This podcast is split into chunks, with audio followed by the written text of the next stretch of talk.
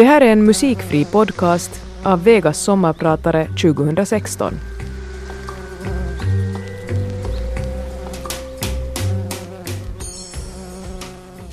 En gång satt vi och drack kaffe med min vän och granne som är krigsveteran och han berättade om kriget som han tvingades gå med i som ung pojke och se då kamrater förlora sina liv en efter en.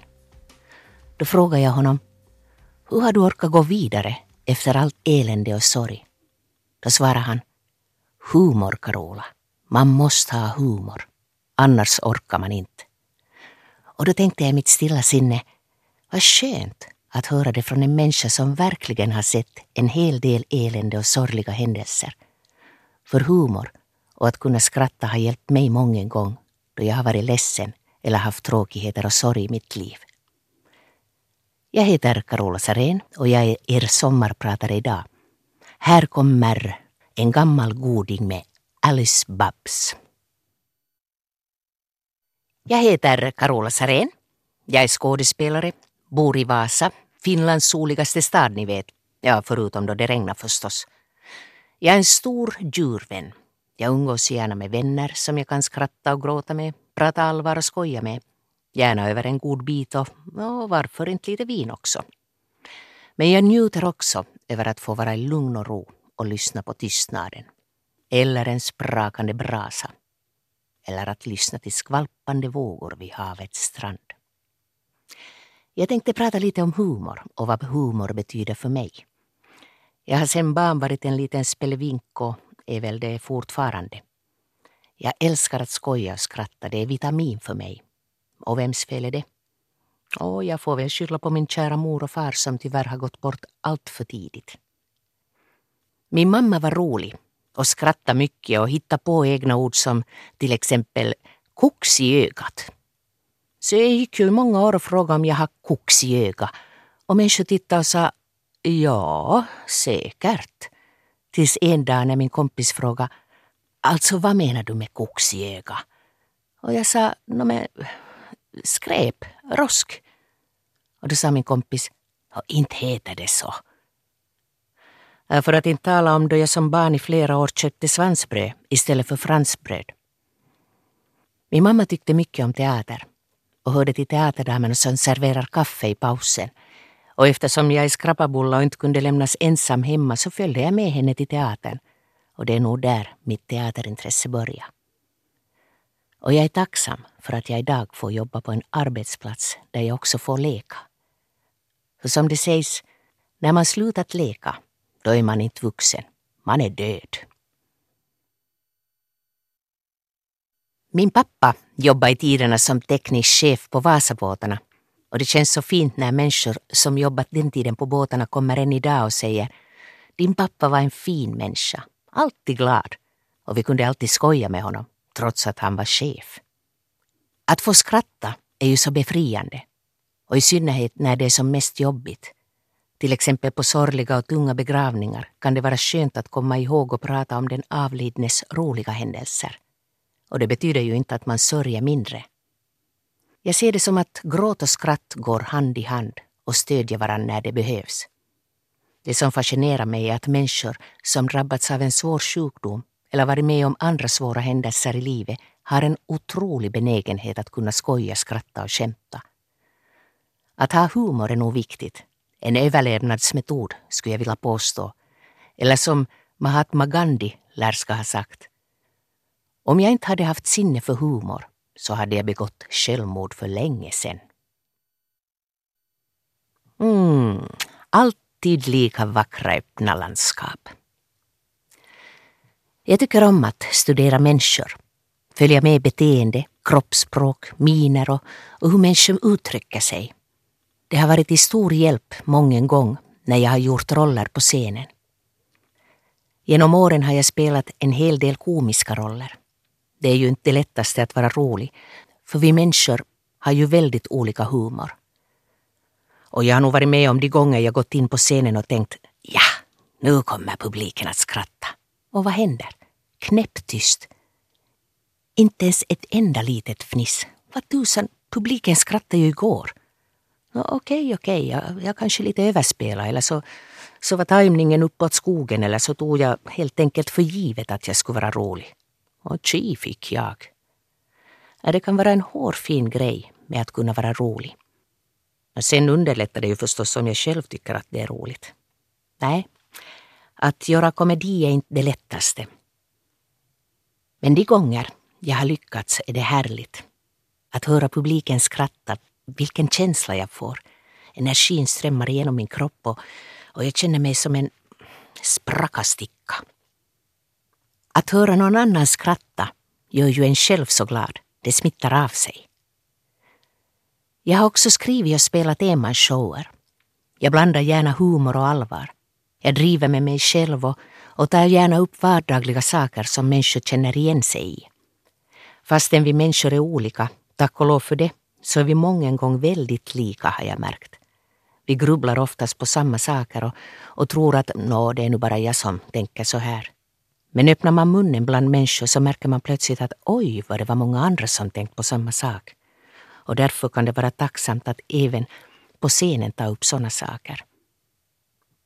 Sen tycker jag också om att ta upp ämnen som berör människor som inte får den respekt som de förtjänar.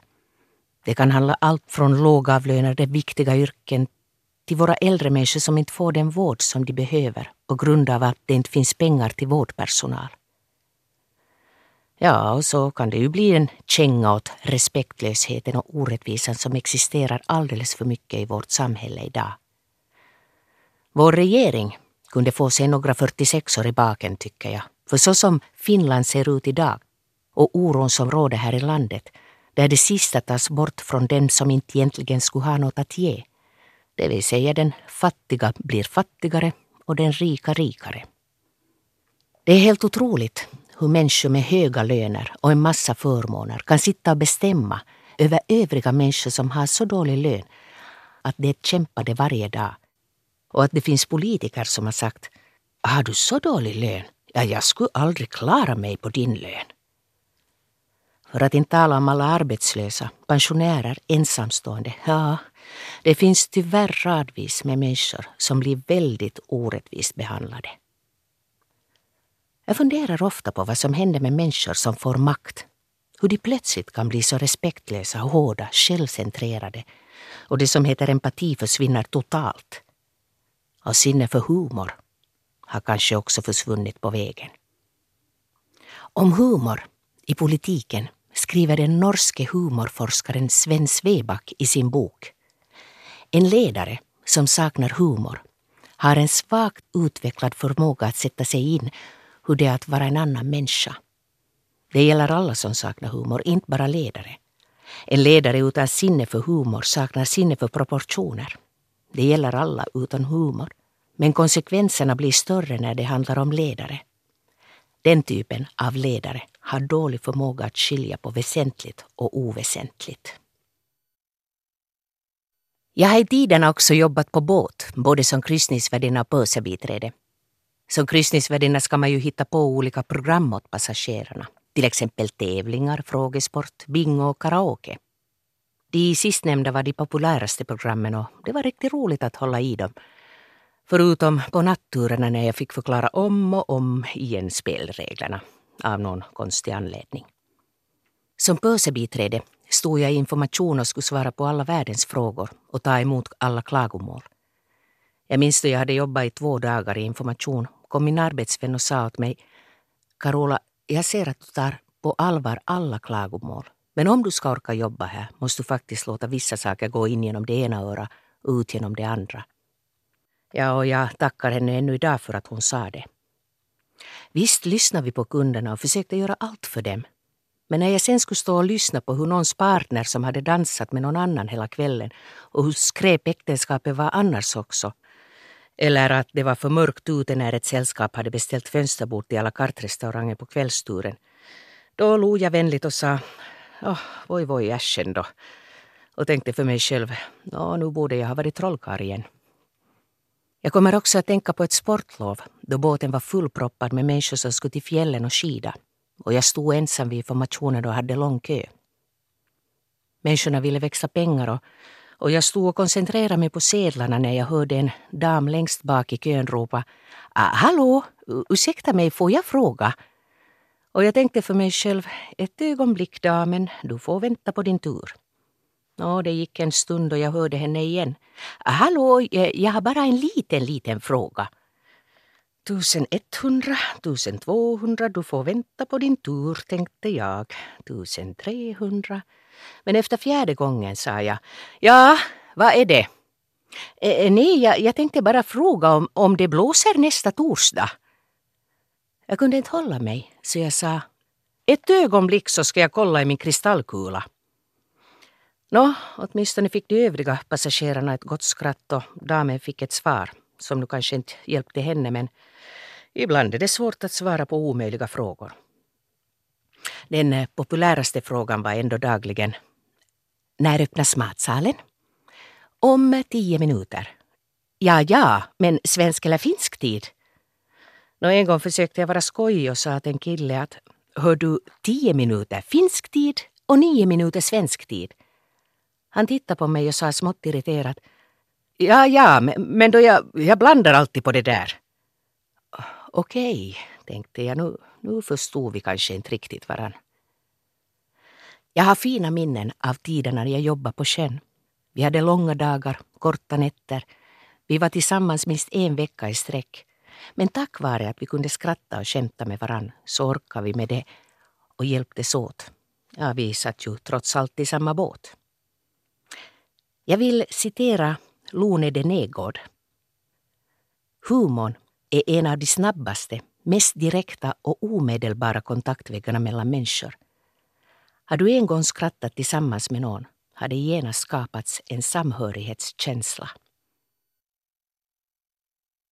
Det var en gammal fin låt av Björn Skifs, Vi bygger oss en båt. Men nu ska jag inte prata om björn, utan om hundar. Djur har alltid betytt mycket för mig. Vi har alltid haft hund hemma när jag var liten. Våra hundar fick sova i sängen, ligga på soffan och på julmiddagarna fick hunden en egen stol vid julbordet. Jag minns en gång när det ringde på dörrklockan under julmiddagen hur vi fort tog ner hunden från stolen för vi tänkte att människor kanske inte riktigt förstår att det här med att hunden ska sitta vid matbordet. Men för oss var det en klar sak att alla familjemedlemmar ska fira jul. Djur har också humor och kan hjälpa människor att må bättre. I mitt liv ingår två dvärgschnauzrar, Riffi och Tosca, mor och dotter. När jag för flera år sedan mådde väldigt dåligt, min pappa dog hastigt och det hände många andra tråkiga saker i mitt liv. Jag var ganska så slut. Jag hade svårt att hitta glädjen i livet. Jag var trött på allt. Nå, då råkade min goda vän fråga om jag skulle komma på kaffe till henne en söndag. Ja, egentligen skulle jag inte ha orkat men jag tackade ja och for till min kompis som öppnade dörren och sa Ja, vi tittar väl på valparna innan kaffet. Jag kommer inte ihåg om hon hade berättat att hennes hund har valpar. Vi tittade på de underbart söta varelserna och plötsligt sa min vän Jag har lite funderat om, om den där skulle kunna flytta hem till dig. Va? tänkte jag. Inte vet jag om jag kan ta hand om en hund nu. Jag, jag mår inte så bra. Vi drack kaffe och sen körde jag hem med en hundvalp i korgen. Och det var lilla Riffi. Jag minns hur den lilla valpen sov på mitt hjärta på nätterna. Hur jag blev lugnare och, och den glädje som hon gav mig. Hur vi skojade. Och känslan av att hon behövde mig och jag henne. Jag är evigt tacksam till min kära vän som bjöd mig på kaffe just den gången. Riffi är lugn älskar att sitta framför brasan och meditera medan Tosca tittar gärna på färggranna barnprogram på TV. Ja, ett tag följde hon med en serie om upphittade hundar. Jag minns hur Riffi när hon var liten, hur hon försökte uppmuntra mig när jag var ledsen för att min häst som jag hade haft i långt över 20 år måste avlivas. Hon gick och knyckte en dammvippa och slängde den i luften flera gånger samtidigt som hon kollade in mig om jag skulle börja skratta. Och när hon till slut fick mig på gott humör blev hon så lycklig själv. Riffi har också medverkat på teaterscenen i två uppsättningar. Båda var i sommarteater där hon hittade på scenerierna själv och gjorde exakt samma sak kväll efter kväll. Och publiken undrar hur jag kunnat skola henne så fint. Jag sa bara, Ingen skolning. Hon är en naturbegåvning. Hon spelar hunden Toto i uppsättningen Trollkarlen från Os på Vasa teater och blev en kändis för när vi var ute på promenad ville alla barn klappa henne. Ja, ingen ville klappa mig. Nå, sånt får man väl stå ut med. Hennes nisch på teaterscenen var också att gå in ensam på scenen en extra gång och ta emot applådtacken. Och så hade hon alltså inte blivit regisserad. En liten diva med andra ord. Jag har någon gång haft den med då jag besökte en vän på åldringshem. Och det var underbart att se hur många människors ansikten som lyste upp då de fick klappa och prata med Riffi och Tosca. Och här kommer en låt för oss hundälskare och alla andra också förstås. Jag mötte Lassi. Carola Saren heter jag och jag är sommarpratare idag. Jag älskar att skratta och humor är en viktig del i mitt liv. Men det betyder inte att jag går omkring och skrattar hela dagarna. Nej, jag gråter också mycket. Både av glädje och sorg. Men att skratta tror jag är en viktig sak här i livet. För jag tror att vi människor tar oss för mycket på allvar. Vi ska vara så duktiga hela tiden. I arbetslivet, hemmet ska vara toppenfint och helst nyrenoverat vartannat år. Och för att inte tala om allt det där materiella vi tror vi behöver. Ja, och så ska vi vara väldigt kloka också, ha svar på alla frågor och, och helst genast. Jo, jag erkänner att jag gått i den fällan också. Men jag har insett att det materiella och att allt ska vara tipptopp bara förorsakar stress och behöver vi en massa saker. Inte blir vi lyckligare av det, åtminstone inte jag. Visst försöker jag alltid göra mitt jobb så gott jag kan. Men jag försöker också tänka att, att jag kan misslyckas och världen går inte under för det. Och på en teaterscen, där vi är levande människor, så kan det ju gå lite tokigt ibland. Men bra är det om man kan ta det med humor. Jag minns en gång när jag spelade en fin och bestämd dam och kom in på scenen med en auktoritet som heter duga. Hur den plötsligt föll pladask då jag insåg att jag glömt peruken i kulissen och stod där med en damstrumpa på huvudet som vi alltid har och som peruken ska fästas i. Hur jag blixtsnabbt vände på klacken och ut i kulissen, drog på mig peruken, försökte samla mig och in på scenen igen. Men det var inte så lätt att gå vidare när jag såg mina bedspelares skrattande ögon. Och i en annan pjäs där jag gjorde ett inhopp för en skådespelare som hade insjuknat. Rollen var inte så stor men väldigt viktig för jag skulle komma in i slutet och avslöja vem som hade begått ett mord. De första föreställningarna gick riktigt bra men när jag blev varm i kläderna och tog det lugnare så stod jag en gång och pratade med rekvisitören i kulisserna. Mitt under vårt samtal hörde jag plötsligt mitt stick och tänkte Tusan, jag borde vara inne på scenen nu. Så jag sprang in och varje steg bara ekade av mina högklackade skor. Och just när jag kom in på scenen ser jag mina medspelare som tittar förvånat på mig och jag inser att jag sprang in alldeles för tidigt. Jag stannar på scenen, går lite försynt åt sidan och, och låtsas sätta läppstift på läpparna. Vänder ryggen till publiken så att de inte ska se att jag inte har något läppstift. Det kan ju vara väldigt spännande med inhopp.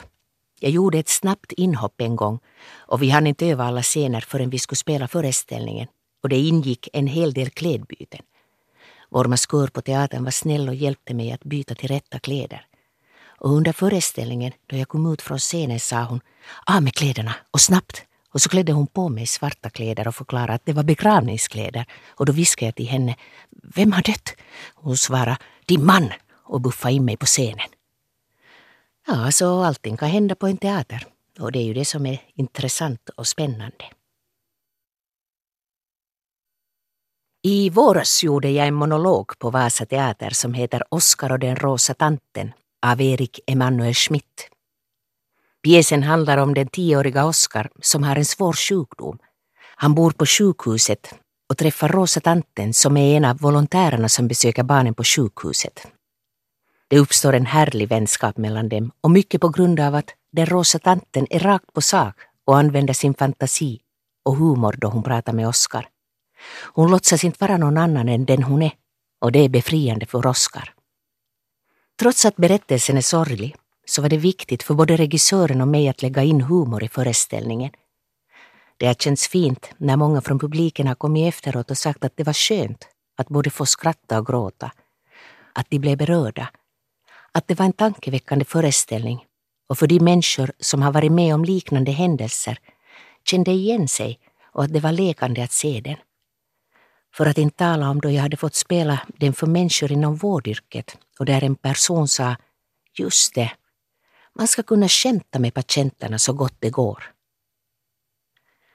Jag tycker att det är helt fantastiskt att det finns sjukhusclowner på många sjukhus som får dessa små patienter att för stunden tänka på något annat än sin sjukdom, undersökningar och medicinering. Om jag bara tänker mig själv som barn, om jag hade varit sjuk och bott på sjukhus en längre tid och fått besök av clowner. Wow, nu skulle det ha varit häftigt. Själv var jag med om en olycka för flera år sedan och blev inlagd på intensiven och låg i respirator. När de hann väl bara dra slangarna ur mig så lär jag ha börjat skämta. Jag minns inte själv så mycket av det. Jag var väl lite groggy efter all medicin. Men det minns jag att det var en helt härlig personal som hade humor och skrattade mycket och därför kändes det inte alls jobbigt att ligga där. Ja, ja, jag hade det tydligen ganska bra för jag lär ska ha beställt lite konjak nu som då. Trodde väl att jag låg på ett lyxhotell med full service. Efter att jag fick komma hem från sjukhuset mötte jag människor som hade hört rykten om min olycka. Ja, jag hade alltså varit och höberget och slant ner från en ganska hög höjd med huvudet före mot en plog och fick således en hård smäll i skallen. Jag förstår att människor hade uppfattat att jag hade fallit av hästryggen eftersom jag på den tiden var aktiv med hästar. Men det som gjorde mig lite förvånad var då en halvbekant på torget kom och sa Ja, jag, jag hörde att du körde med motorcykel i en vägg. Oj, sa jag. Jag har aldrig ens kört en motorcykel. Människan stod och så förvånad ut och sa ja, ja, men så hörde jag. Jag hade nästan lust att säga nej, nej, jag hoppar fallskärm, men glömde fallskärmen i planet.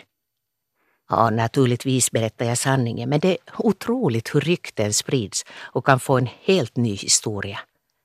Men återigen, rykten får man ju ta med en klackspark och med lite humor. Jag har pratat om humor idag som betyder mycket för mig. Jag blev mobbad som barn och tyvärr leker inte djupa sår på en dag eller några år.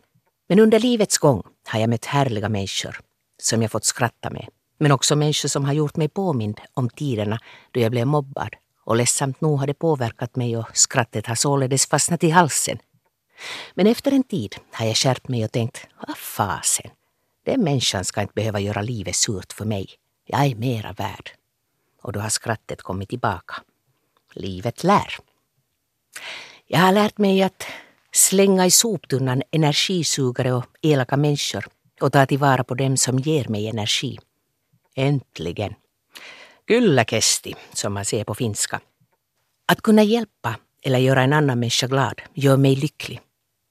Jag har märkt att bara ett litet leende till en annan människa som vill ta emot det kan kännas så fantastiskt härligt. Och tänk, det kostar ingenting och tar inte bort någonting från mig. Till slut vill jag nu berätta om en artikel som jag läste om Norman Cousins, mannen som botat sig själv med humor.